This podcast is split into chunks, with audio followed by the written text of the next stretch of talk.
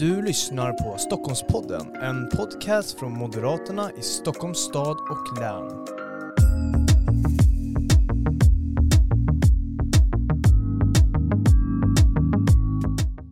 Varmt välkomna till ännu ett avsnitt av Stockholmspodden. Det här är ju Moderaterna i Stockholms stad och läns podcast där vi pratar brinnande aktuella sakpolitiska frågor eh, men också kollar lite in i framtiden. Vad kommer hända i framtiden? Hur kommer de här sakpolitiska frågorna att utvecklas? Eh, och idag så är det ju så att vi ska spåna fritt i, i framtiden, eller kanske inte helt fritt, eh, men vi ska i alla fall kolla in i framtiden inom ett specifikt ämne, alltså infrastrukturspolitiken då. då. Eh, den innehåller ju mycket, det är allt från vägar till flygplan, till kollektivtrafik, till hur bilar rör sig och så vidare. Och det här är ju en fråga som, som jag kan tycka att man ibland kanske glömmer bort mycket. Man tar det för givet. Vi har åkt bil i jättelång tid. Vi tunnelbanan, i alla fall så länge jag har funnits i livet, har ju den varit en självklarhet eh, och så vidare. Så det här är ju frågor som, som jag kan tycka personligen man tar lite för givet. Eh, men vi får se om eh, våra gäster här idag känner densamma. För med oss i studion här i Stockholmspodden har vi Maria Stockas, trafikpolitisk talesperson för Moderaterna. Varmt välkommen. Tack, tack. Och Kristoffer Tamsons trafikregionråd här i Stockholmsregionen. Hallå ja. Hallå. Och eh, ja, jag körde en liten inledning där och eh, talade fritt eh, om just infrastrukturfrågor och håller ni med mig om att de här frågorna kanske tas för givet i, i det land Sverige som är idag? Vad säger du Kristoffer? Absolut. Jag tror att vi många gånger betraktar det här med infrastruktur och trafik som lite grann att vrida på vattenkranen på morgonen. Vi liksom förutsätter att det ska komma vatten där ur och lite grann så förutsätter vi också att våra vägar och våra spår och våra trafiksystem ska fungera. Men jag tror också att vi gör det ganska enkelt för oss då därför att bakom den här vardagliga funktionen i oaktat det handlar om bussen eller tåget eller vägen eller, eller båten eller flyget så ligger det ju så extremt mycket arbete både med den bakomliggande infrastrukturen men också såklart med att få det här dagliga att fungera och, och, liksom, och, och, och rulla. Eh, och jag tror att vi många gånger missar det. Och inte minst tror jag att vi har faktiskt skäl att reflektera över det utifrån den pandemi vi nu gått igenom. Titta på hur stora delar av vår omvärld släckte ner, stängde ner, men att det inte gällde i Stockholm och i stora delar av Sverige utan vi rullade vidare. Det är en jätteprestation. Mm. Vad tänker du Maria? Tar vi infrastruktursfrågorna för givet? Ja, det tror jag. Att, att just det här med att det ska finnas eh, vägar att köra bil på, att det ska finnas räls där man kan åka tåg och kollektivtrafik på, att bussen ska komma och sånt där. Det, det, det är på något sätt en, om man tittar när människor ska ranka politiska frågor så är ju, kommer ju aldrig infrastruktur som en, en toppfråga. Men jag tror att när man börjar fråga människor liksom kring hur, vad som är viktigt i vardagen så är det här, alltså i Stockholmsområdet handlar det mycket om, om tidspusslet och, och få tiden att räcka till och hinna fram och tillbaka till jobbet och så då är ju en fungerande infrastruktur faktiskt en, en förutsättning för det. Och jag, jag hade faktiskt förmånen att vara med en natt när, ett, när det gjordes underhåll i Citytunneln. Mm. Eh, då, då körde man ner vid 12 när tågen hade slut, liksom slutat gå, alltså midnatt. Och sen det, har de ett fönster på en och en halv timme och det, det var en effektivitet som var imponerande att se. De alltså liksom svett, vad heter det, slipar av eller skär av en liksom 20 meter bit räls och byter ut och svetsar fast den. Eh, och det är sånt som behöver göras och som görs nattetid och som vi andra inte ser utan tar för givet att det här bara funkar. Mm. Jag tänker att infrastrukturfrågan, vad betyder den för er idag? För att om vi ska kolla in i framtiden så måste vi på något sätt också kolla kanske i nutid först. Och Kristoffer, vad, vad betyder infrastrukturen för dig idag? Alltså för det första så tror jag att vi, precis som ju vi bägge är inne på, vi tar den kanske lite för givet. Eh, vi betraktar den som en självklarhet. Eh, men samtidigt så, så vet vi att det inte är så. Det krävs mycket arbete bakom. Vi vet också att vi har gamla försyndelser att ta hand om. Eftersatt underhåll, stora utmaningar när det gäller att teknikskifta och nyinvestera där vi ligger efter i Sverige, i stora delar av Sverige. Eh, så det är väl en av de här reflektionerna jag kan göra. Och sen den andra delen är att jag skulle säga att infrastruktur och transportpolitik, även om, precis som Maria säger, det rankas inte högt för vi tar det lite för givet, så det finns inte ett annat politikområde idag där de här frågorna inte är inne. Vi kan tala om eh, Eh, tillväxtfrågor, bostadsbyggande, vi kan tala om miljö och klimatfrågan, vi kan tala om eh, näringslivets förutsättningar att etablera sig eller att importera och exportera. Vi kan tala trygghetsfrågan. Överallt kommer alltid så småningom infrastrukturfrågorna in. Det gör de här frågorna till kanske de mest spännande och mest dynamiska och också så mycket i framkant när det gäller att pröva nytt. Alltså hela det vi diskuterar i övrigt om elektrifiering och digitalisering och automatisering, ja men det blommar ju ut i transportsektorn och inom infrastrukturen kanske mer än inom andra samhällssektorer. Så det är ju också en sektor som ligger i framkant när det gäller att våga tänka och pröva nytt. Men det finns så oerhört mycket mer att göra inom det här området. Mm. Vad tänker du då Maria? Vad, vad, betyder dagens infrastruktur för dig idag? Den, eh, ja nu glömde jag bort vad det är för datum. Vad är det för datum idag? Det är 22 juni. 22 juni, mm. precis. Just det. Vad betyder den idag för dig den 22 juni? Just idag så har jag, är jag lite trött. Vi hade stora, förutom vi hade misstroendeomröstning var igår den 21 juni, eh, men vi hade också den stora infrastrukturdebatten för mandatperioden då vi diskuterade liksom Dels alla de 900 miljarder som ska satsas under, fram till 2033. Vad, hur ska man satsa på dem? Och eh, det, jag skulle säga att det är ju en, en spännande tid och samtidigt en ganska svår tid. För dels så vet inte vi riktigt vilka de långsiktiga effekterna av pandemin är. Jag har hört om företag som, som säger upp en tredjedel av sina lokaler nu i, liksom i Stockholmsområdet för att man räknar med att man kommer inte ha all sin personal inne eh, liksom på samma sätt som tidigare utan folk kommer att jobba hemma även fortsättningsvis. Man pratar om att affärsresandet kommer att gå ner. Ericsson lär ha sagt att de ska minska med 50 procent eh, för att köra mer digitalt och det är klart att det måste man ha med sig när man ska planera infrastruktur samtidigt som vi ser då den liksom helt fantastiska tekniska utvecklingen egentligen inom alla trafikslagen med eh, alltså bi, elektrifiering när det gäller bilar men också självkörande bilar som vi behöver börja liksom fundera över hur ska det vi få in det i våra transportsystem. Eh, elflyg som kommer att vara lite mindre flyg som går kortare sträckor, hur kommer det att påverka? Eh, så jag jätteskul område att få jobba mm. med eh, som politiker. Just, men, men också väldigt mycket liksom, osäkerhet kring alltså, de investeringar vi gör är ju för många, många år framöver. Samtidigt som jag, framtiden på, på liksom när det gäller teknikutveckling har väl aldrig varit mer osäker. Vad landar när och hur kommer det att påverka? För det är så stora skiften som, som händer nu. Och jag tänker i den, i den delen, därför att det är klart nu har vi haft pandemi och, och människor har jobbat hemifrån, de som har kunnat ska säga så vi är mitt uppe i teknikskiften och allting annat och det där är ju väldigt, tror jag, rätt att ha med sig. Eh, samtidigt så tror jag att det farligaste som finns det är att vi undervärderar människans inneboende vilja och kraft till resande och rörelse. Både i det lilla, i det nära samhället där vi bor, i regionen där vi lever, men också i det stora. I att upptäcka landet där vi bor eller världen som omger oss. För är det någonting som historien har lärt oss så är det att den drivkraften, den övervinner världskrig och pandemier. Den övervinner naturkatastrofer. Den övervinner murar och taggtrådsstängsel därför att den är så stark och den är så stor.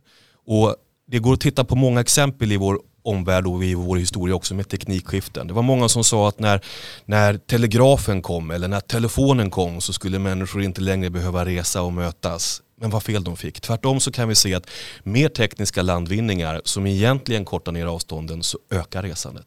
I takt med urbaniseringen, att vi bor fler och fler i städer, närmare varandra, på egentligen nästan gångavstånd många gånger, ju mer reser vi. Och det här tycker jag är något väldigt spännande i mänsklighetens liksom långsiktiga utvecklingsresa.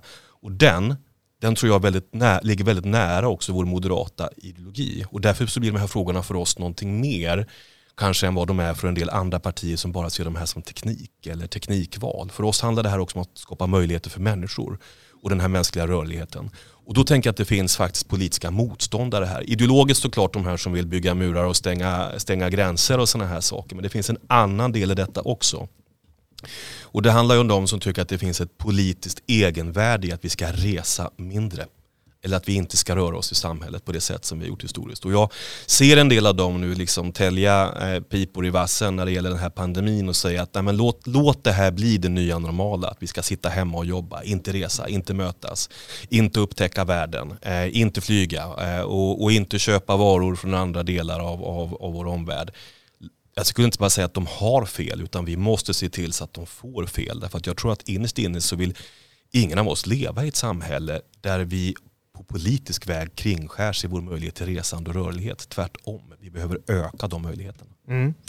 Precis som ni båda är inne på lite det här med att eh, kanske våra beteenden har ändrat i och med pandemin, hur vi handlar, hur vi konsumerar och sen också såklart också hur vi reser. Eh, men om vi ska kolla in i framtiden brukar jag i sådana här sammanhang ställa frågan till olika företrädare som redan har varit här och eh, undrat om de är oroliga för framtiden. Skulle du säga att du är orolig för framtiden Maria? Nej, jag är faktiskt inte det. Jag, jag tycker att det liksom, vi har haft en, vi har en förmåga att liksom ändra och utveckla och eh, med nya innovationer lösa problem som mänskligheten ställs inför. Eh, och jag tror att vi liksom kommer att göra det även framöver. Och jag måste ändå få haka i det som Kristoffer eh, eh säger. För att man, vi hade ju infrastrukturdebatten igår som sagt och där eh, det är Vänsterpartiet och Miljöpartiet framför allt som tycker att vi borde ju till, liksom börja med klimatmålen och sen så säga att ja, men då, då kan vi inte resa mer än så här, alltså baserat på egentligen befintlig teknik.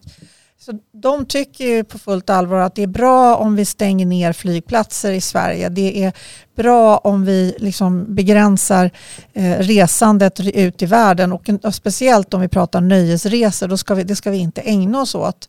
Eh, och jag tror att, att liksom den teknikutveckling som sker nu kommer att göra att vi kommer att kunna resa utan att det påverkar klimatet. Vi kommer att hitta lösningar även på det och att, och att resandet och liksom möten mellan människor har sån enorm positiv effekt. Jag tror att det är en anledning till att Sverige är så pass, är så pass innovativt land också. Att vi faktiskt är ett, ett folk som, som reser mycket och får nya intryck från andra länder och andra miljöer. Eh, och jag, jag, jag ser framtiden an med tillförsikt. Jag känner att det pågår sådana enorma, liksom fantastiska utveckling när det gäller tekniken och, och eh, jag tycker vi ska stå för en optimism och en, en framtidstro, inte den här domedagsprofetiorna eh, liksom, som kommer från från framförallt Miljöpartiet och Vänstern att vi måste, liksom, men SJs senaste kampanj nu att vi stannar på marken och där man liksom utmanar flyget på ett sätt som jag tycker är, är väldigt, väldigt tveksamt med tanke på att båda de här eh, transportslagen har haft det ganska tufft nu. Mm. Jag skulle säga att framtidens resande är ju grönare tack vare elektrifieringen och nya moderna digitala lösningar och Eh, utveckling både av bilen, av tåget, av flyget och av sjöfarten som ju mycket kommer ställa på huvudet i vad det vi historiskt sett har trott är utsläppsbovar och sådana här saker. Så framtidens resande är grönt men det bygger på blåa värderingar. Eh, en blå idé om, om hur och på vilket sätt vi skapar förutsättningar för det. Jag tror inte på att släcka, precis som Maria säger, det här med att börja släcka ner flygplatser och införa förbud eller regleringar eller skatta bort möjligheten till resande. Det är ju det måste ju vara oss helt verklighetsfrämmande som moderater. Vi ska ju skapa förutsättningar för teknikskiften som för oss i grön riktning.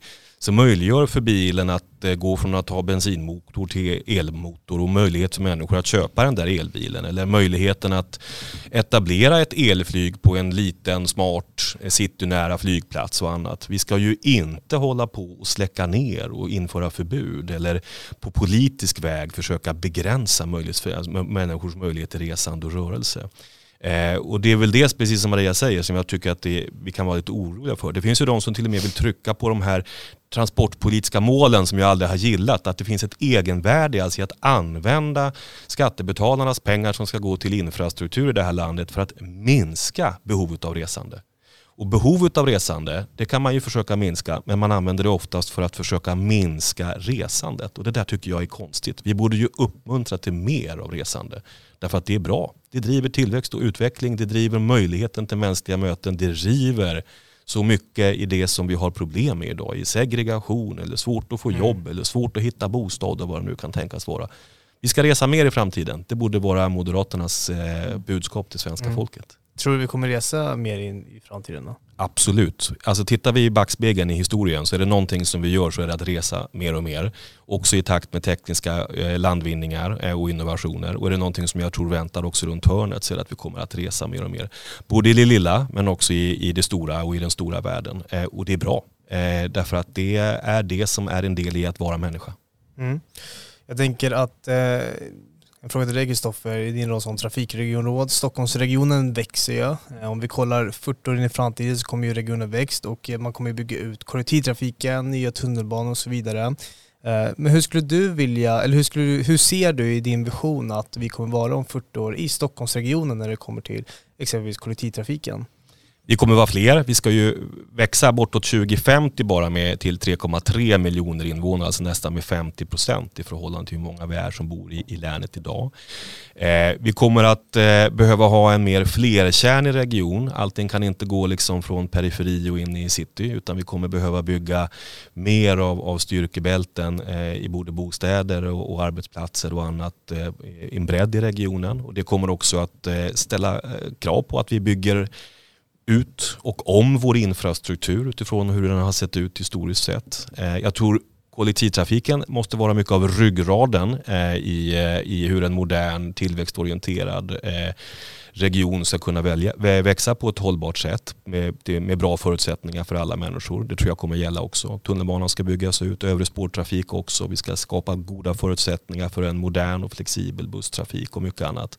Men jag tror att det finns två andra saker som är viktigt också. Det ena är ett, vi ska aldrig tänka bort bilen därför att den behövs och den behövs för väldigt många. Och morgondagens bil som förmodligen både är elektrisk och automatisk, alltså självkörande, kommer att skapa helt andra möjligheter till resande eh, och kombinerat resande än vad vi är historiskt sett vana vid.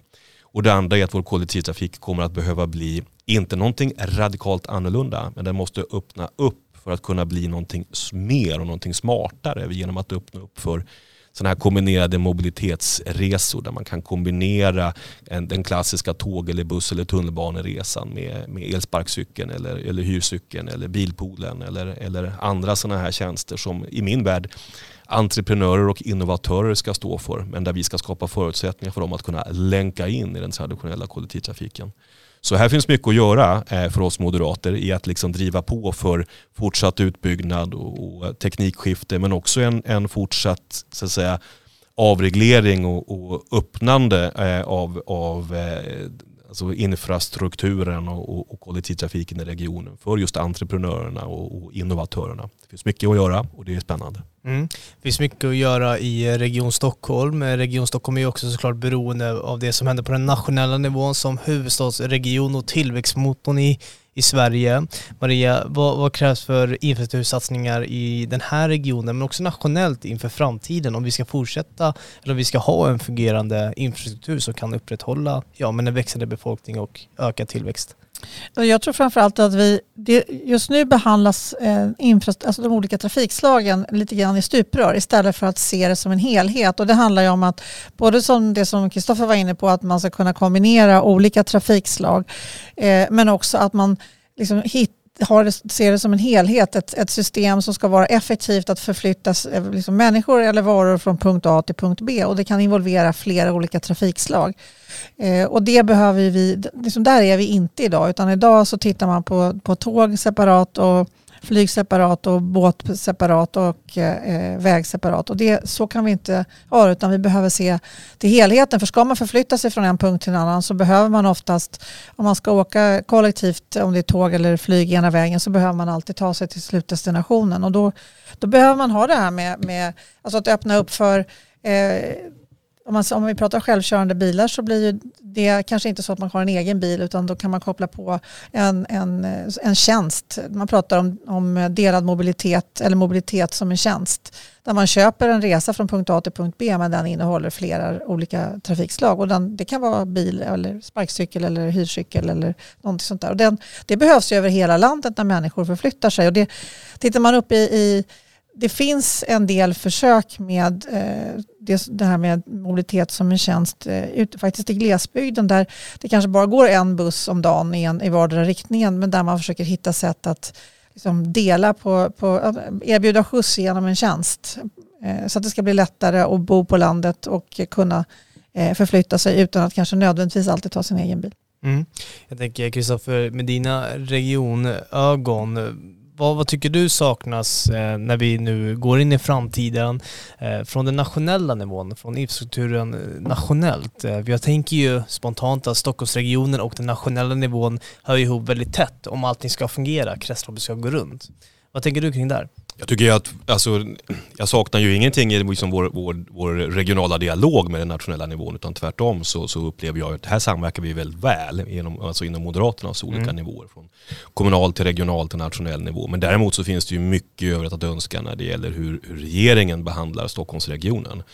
Eh, vi har ju oerhört stora behov av att både ta hand om gammalt eftersatt underhåll. Det gäller både på vägsidan och på spårsidan. Vi har behov av att bygga ny infrastruktur. Eh, bygga färdigt vår ringled runt Stockholm, bygga tvärförbindelse Södertörn, bygga klart eh, Förbifart Stockholm på vägsidan för att ta några exempel. Och skapa en helt annan förutsättning för spår in och genom Stockholm. Vi ska komma ihåg det att åtta av tio tågresor i Sverige startar eller slutar alltså i centrala Stockholm. Och lik förbaskat så har vi ju en, en i mina ögon sett en väldigt bristande eh, ambition från statens sida att där finnas och se och förstå detta när det gäller spårinfrastrukturen eh, och annat. Så det är ju en del vi skulle behöva tror jag. Sen finns det mycket annat i, i, liksom i stort och smått i övrigt där just liksom staten har varit inne och byggt eh, mycket märkligheter när det gäller liksom skatter och, och regelverk och annat. Det finns ett praktexempel på detta. Vi talar så mycket om elektrifiering. Då ska vi vara medvetna om att rullar vi till exempel då i SL-trafiken, rullar vi ett tåg på el, då är det, den elen skattebefriad. Men rullar vi en buss på el, alltså, slutar vi, alltså byter vi ut rälsen och stålhjulen mot ett gummihjul, ja, då får vi betala straffskatt på den elen. Eh, så det finns ju så mycket konstigheter också på den statliga nivån där man borde liksom rensla bland skatter och regelverk för att underlätta för nya moderna gröna eh, lösningar. Men där det verkar vara mer intressant för, för sossarna och Miljöpartiet i regeringen att, att beskatta och straffbeskatta eh, Stockholms ambitioner i att teknikskifta och tänka nytt eh, snarare än att liksom stötta och hjälpa till på vägen.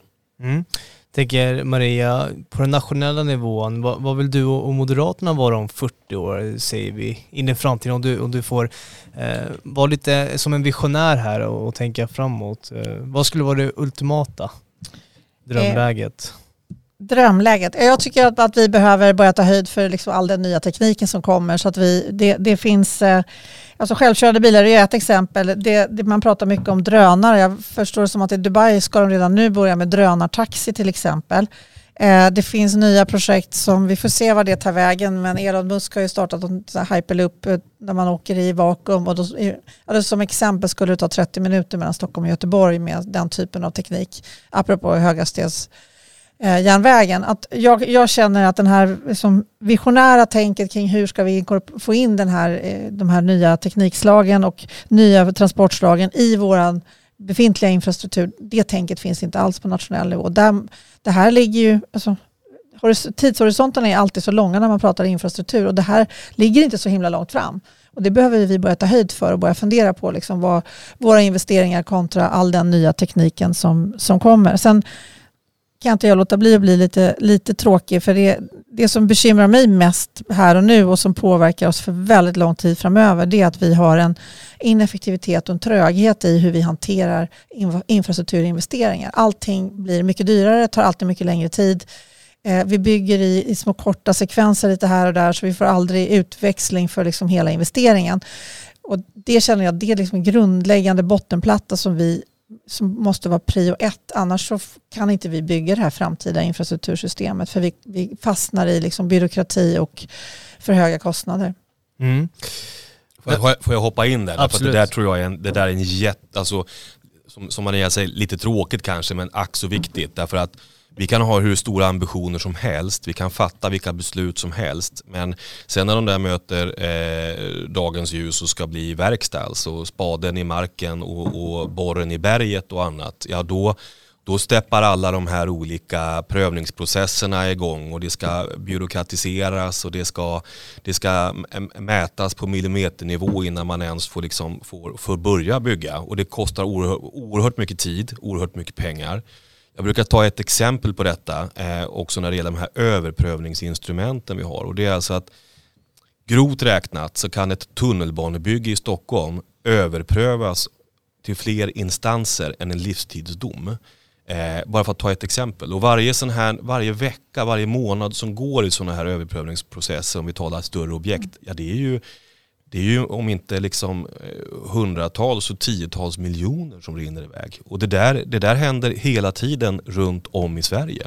Att saker och ting blir senare, det blir dyrare, eh, det, det, hittas på ny konstig lagstiftning på olika sätt som också fördyrar och, och försvårar sådana här byggen. Och det här måste vi, tror jag, precis som Maria säger, vi måste liksom dra staten i någon form av strypkoppel här och se till att de här, de här när man sprutar ur sig nya konstiga lagar och regelverk och, och prövningar och allt som ska till så måste det liksom det måste finnas någon sans i det och det måste finnas en väldigt tydlig koppling i varför vi har sånt. Det är ju jättekonstigt tycker jag att många stycken att vi kan ha myndigheter som ju verkar mot varandra. Å ena sidan Trafikverket som ska bygga nya vägar och ny järnväg. Sen kan vi ha andra myndigheter som säger nej men det får ni inte göra om ni inte tänker på de här hundra parametrarna. Eh, och det kommer kosta er miljarder mer och ta åratal att, att liksom gå igenom de prövningarna. Om det ens är möjligt. Och det där tycker jag är det är jättemärkligt. Det tar längre tid och det är dyrare att bygga i Sverige när det gäller infrastrukturen i något annat europeiskt land nästan man tittar på. Och det är ju ingen slump. Vi har ju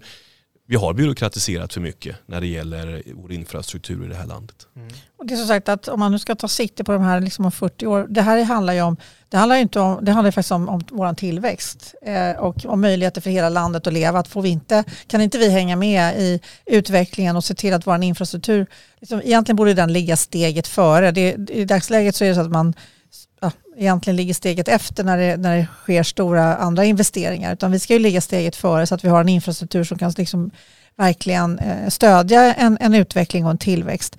Eh, och, då, och det har inte vi idag. Och då tror jag att vi kommer att, att se att vi kommer att ha ett, ett transportsystem som eh, inte är, är, i paritet med hur andra länder utvecklar Kina. Och, och det tror jag skulle vara en jättestor nackdel för oss. Vi behöver hänga med, vi behöver ha koll på de här eh, nya teknikerna som kommer för att se liksom när, när är det läge att kliva in. Det är inte läge att kliva in med höghastighetståg 50 år efter alla andra när liksom tekniken börjar springa iväg eh, på alla andra fronter nu. Så det, det är eh, verkligen en, ett, ett, en hämsko som vi har faktiskt, att vi har ett, ett system som motverkar utveckling och, och, att se till att saker och ting blir på, kommer på plats. Och här borde vi ju lära, tycker jag, av när vi har liksom framgångsrikt i historien lyckats liksom lägga grund för teknikskiften. Alltså, jag tycker att avregleringen av telemarknaden som ju genomfördes på 90-talet till exempel, som la grunden, grunden till den här svenska IT-undret, alltså IT-boomen, är någonting att lära av. Och jag tror att vi ska ställa oss frågan, när det gäller allt det här som nu är på gång med elektrifiering och digitaliseringen och automatiseringen, med mobilitetstjänster och andra sådana här saker,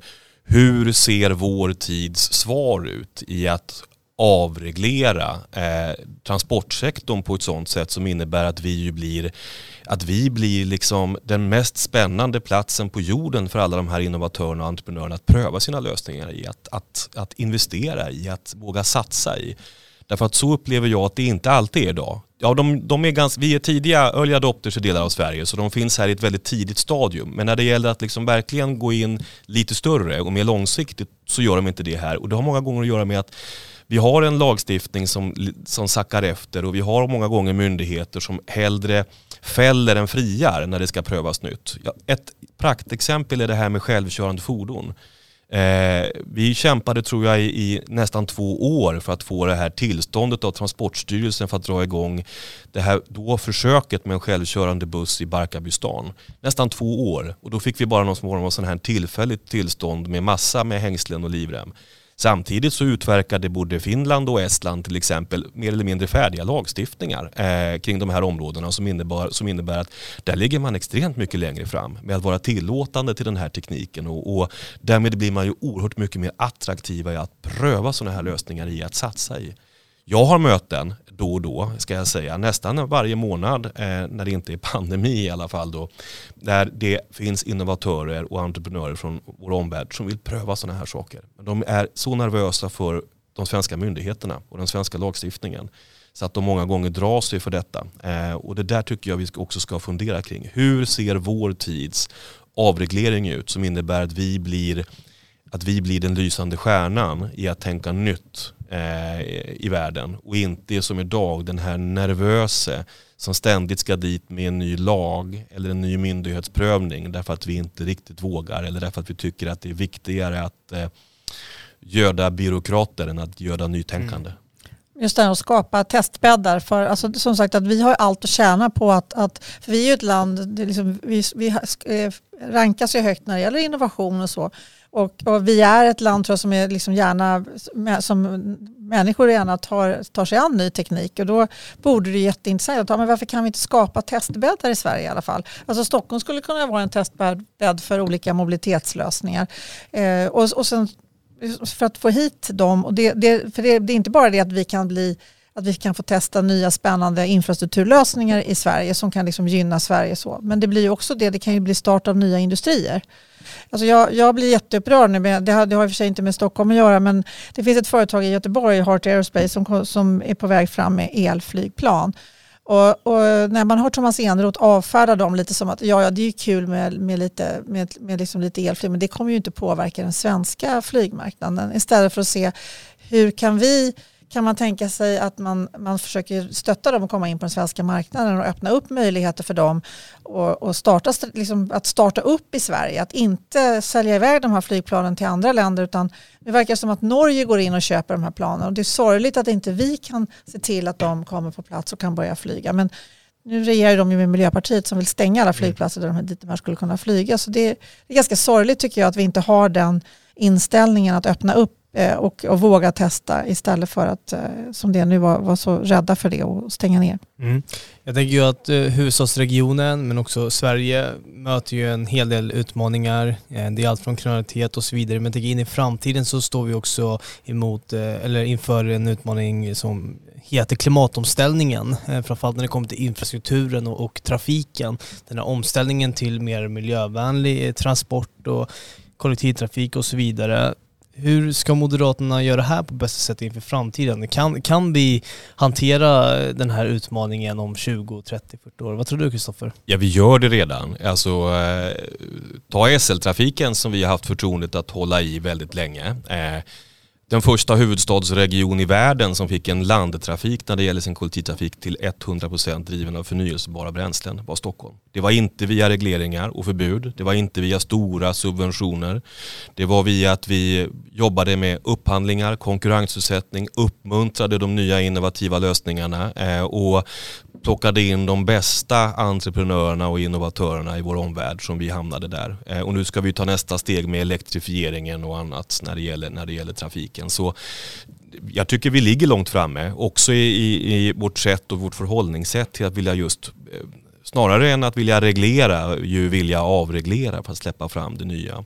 Och det gäller ju också på bilsidan. Alltså det finns ju de som jagar bilen för att det är en bil.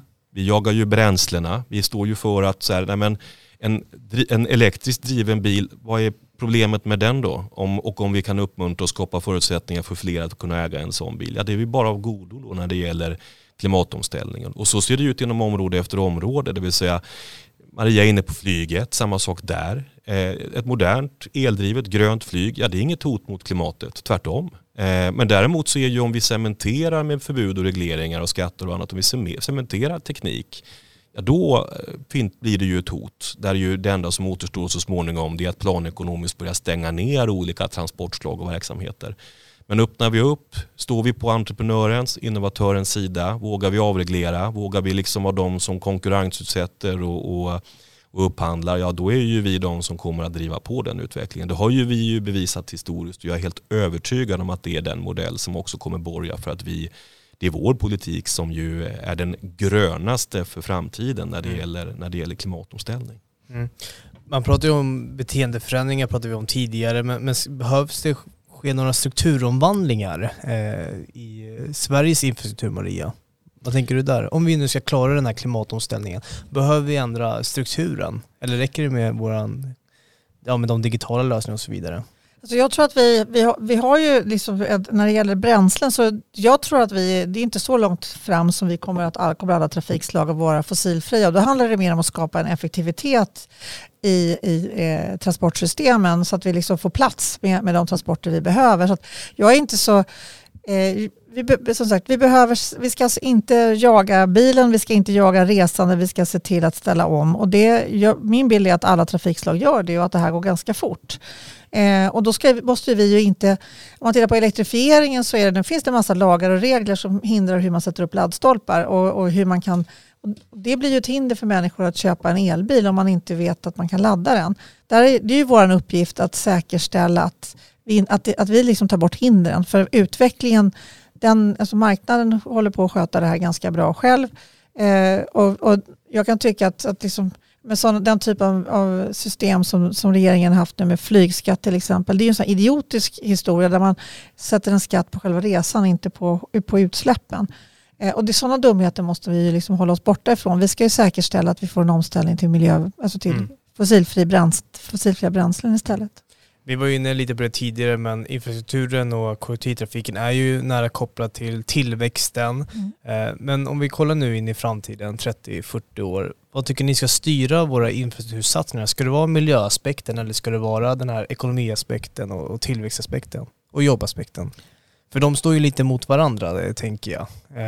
Alltså jag tycker inte att de behöver göra det med tanke på att, att trafikslagen nu går över mot fossilfrihet. Då blir det ju mer en fråga om att stimulera tillväxt och utveckling genom att ha ett effektivt system. Alltså där vi verkligen använder hela liksom, transportsystemet så effektivt som möjligt. Sen kan jag, ju, ju fler vi blir så, så är det klart att vi kommer behöva mer infrastruktur. Vi kanske också behöver hitta sätt att liksom dela mobilitet på olika sätt för att få mer effektivitet i systemet. Men det är åt det hållet vi ska gå, inte liksom att minska resandet och transporterna. För det, det tror jag skulle hämma tillväxt och utveckling. Jag delar helt den här uppfattningen. Alltså, vi ska se till att vi ska få så mycket och så bra infrastruktur och transportmöjligheter för, för de pengar som vi har till förfogande. Och då ska vi ju eftersträva det just utifrån så att säga, vad är det för, hur kan vi uppnå största möjliga nyttor? Och de nyttorna måste ju utgå ifrån att, att, att se till den enskilde människans behov och, eh, och, försöka på olika sätt ju skapa tillväxt och utveckling men på såklart ett hållbart sätt i samhället. Och som Maria är inne på, det finns inget motsatsförhållande däremellan om man tänker rätt och man tänker smart utan det kommer ju handla om mest valuta för pengarna och största möjliga effektivitet i transportsystemet. Det vill säga rätt infrastruktur, rätt trafikslag Vi eh, rätt tillfälle och på rätt plats kommer ju vara det som är det avgörande. Och, och eh, absolut, det kommer kräva prioriteringar. Så är det ju alltid så länge det är skattepengar inblandat. Att då kan man liksom inte, allt kan man inte göra och man kan inte lova allt till alla. Men, men lik förbaskat så, så är det ju inte som så att vi behöver ställa människans behov eller möjlighet till resande mot till exempel en, en hållbar utveckling eller, eller annat. Det, det tror jag absolut inte. Men däremot så ska vi vara måna om att uppmuntra den nya tekniken när den träder fram. Därför att det är ju det som är mycket lösningen på saker och ting. Och då finns det väl en gammal sanning som säger att teknik slår politik och det kommer nog bli sanningen också när det gäller transportsektorns framtid tror jag. Mm. Jag tänker att vi, vi går in för landning för det här avsnittet men, men ni ska få var och en av er göra en liten kort utläggning vad, vad ni, om vi bara tänker bort alla regler och egentligen verkligheten också och bara leker med, med idén. Ja, om vi bara leker med idén vart eh, ni vill i Region Stockholm, huvudstadsregionen, men också få in det här nationella vart man vill vara om 50 år. Eh, och sen Maria så får du köra den, den nationella nivån vart man vill vara om 50 år, eller vart du vill vara om 50 år Kristoffer, du vill vara 50 år eh, i Region Stockholm och den nationella.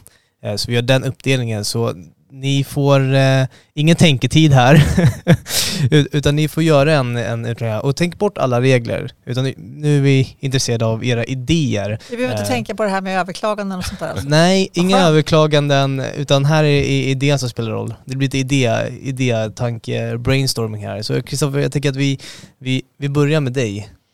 Oj då, jag vill ha en huvudstadsregion som är framåtlutad, som ju har löst sina gamla historiska problem när det gäller infrastrukturen, de här gamla flaskhalsarna och det eftersatta underhållet för länge sedan. Och som snarare liksom borde ha lyckats bygga ut eh, och mer av den infrastruktur vi har i vägar och spår men som också framåtlutat har byggt ut både tunnelbana men också skapat grund för helt nya tekniska lösningar och innovativa transportlösningar och då både för människor men också för varutransporter och annat. Eh, jag tänker mycket på elektrifieringen, automatiseringen, att mycket mer är självkörande. Eh, men också digitalisering, att saker och ting hänger ihop och kan planeras och användas på ett mycket smartare sätt och kombineras på ett mycket smartare sätt än tidigare. Och sen vill jag ha en, en region som står öppen mot resten av Sverige, som är lätt att nå, ta sig till och från och en region som är öppen mot världen. Som är nyfiken på världen, som skapar möjligheter för de som bor, lever och verkar här att upptäcka världen. Men som också står öppen för världen för de som vill komma hit och, och investera och utveckla och pröva sina, sina vingar när det gäller innovationer och entreprenörskap. Eh, det tror jag är en, en framåtlutad, spännande, innovativ, grön, tillväxtvänlig, trygg eh, men också frihetsskapande region som, som eh, kommer att tjäna sina invånare väldigt väl. Mm. Mycket spännande. Maria, nu får vi höra dig här. Jag skulle gärna se ett, ett Sverige som om, om en 40-50 år andra länder tittar på som ett liksom, föredöme när det gäller hur transportsystemet fungerar i sin helhet. Där vi eh, har blivit bättre på att eh, inte minst utnyttja faktiskt våra vattenvägar. Det är en väldigt underskattad eller väldigt underutnyttjad del eh, och vi har väldigt mycket vatten runt omkring. Men att där, vi, där man verkligen ser att ja, men här är en, ett, ett land som har tagit till sig den nya tekniken och kunnat få in den i sina, sitt transportsystem så eh, väldigt, väldigt snabbt. Eh, där individuella transporter funkar liksom, oavsett om man bor i en storstad eller eh, ute på landet. Utan att det ska inte vara ett problem att förflytta sig när man behöver förflytta sig. Men man kan ju se infrastrukturen för IT som ett transportslag också. Den fungerar och finns på plats överallt. Så det, det går att bo och jobba i i hela Sverige och att företag söker sig till Sverige just på grund av att det här är ett land där det är lätt att ta sig eh, alltså förflytta sig inom landet men det är också lätt att ta sig både in och ut eh, från, eh, från Sverige. Så att, verkligen den här målbilden av att vi ska vara ett föredöme för att ha ett transportsystem som är effektivt och självklart också ett, ett hållbart system. För jag tror att det kan vi vara en, en förebild eh, med alla de fantastiska förutsättningar som vi faktiskt har då är det också någonting som man kan exportera och, och jobb, hjälpa andra länder att bygga upp och då blir det liksom peng, alltså pengar in till, till det svenska systemet om mm. vi lyckas bygga upp det. Eh, det finns en del, hel del utmaningar på vägen där som jag kan se. Man ska inte tänka på dem som sagt. Men, men eh, jag tror att, att vi har förutsättningarna för att, att, vara, att verkligen bygga upp ett sådant system. Sen har jag en sån här önskan om att jag ska få åka hyperloop innan jag dör. Men vi får väl se om jag lyckas. Om det, kanske inte i Sverige, men någonstans. Det vore kul. Ja, då får du filma. jag, lovar. ja, men, men ingen av er har flygande bilar i alla fall. Den, den idén har vi kommit ifrån. Nej men drönare tror jag på. Alltså, jag tycker det här med drönare, alltså att, att, faktiskt att luften är ganska, mycket, det finns mycket luft att förflytta sig eh, och det är ganska trångt nere på marken. Eh, så jag, jag, tror inte att det ligger så långt bort. Mm. med, nej, nej. med drönare, alltså transportera, att transportera varor med drönare, det är ju redan på gång. Eh, men, men att vi, jag, där, jag Dubai och drönartaxi lär vara på gång också. Så att, tänk att hoppa in i en liten drönare och så flyger de iväg. Ja. Det vore väl ganska coolt. Och, och, jag tror precis så också. Är det någonting som jag tror att framtiden kommer att handla om så är det ju precis alltså, luftvägarna. Mm. Alltså, vi kommer att flyga mer men både grönare, elektriskt och smartare. Och, och kortare sträckor. Kortare sträckor precis och i både större men också mindre eh, farkoster än vad vi gör idag. Eh, och vem vet, kanske, kanske han får rätt han den här Tesla-mannen i att vi kanske till och med har tagit oss på mars, till Mars då. Återstår att se. Alltså det, han, han, är ju han är involverad i, i Hyperloop och han, han, alltså är, han, han är ju galen på ett ganska fantastiskt sätt. Det, det går inte att komma ifrån att han åt, åstadkommer en hel del.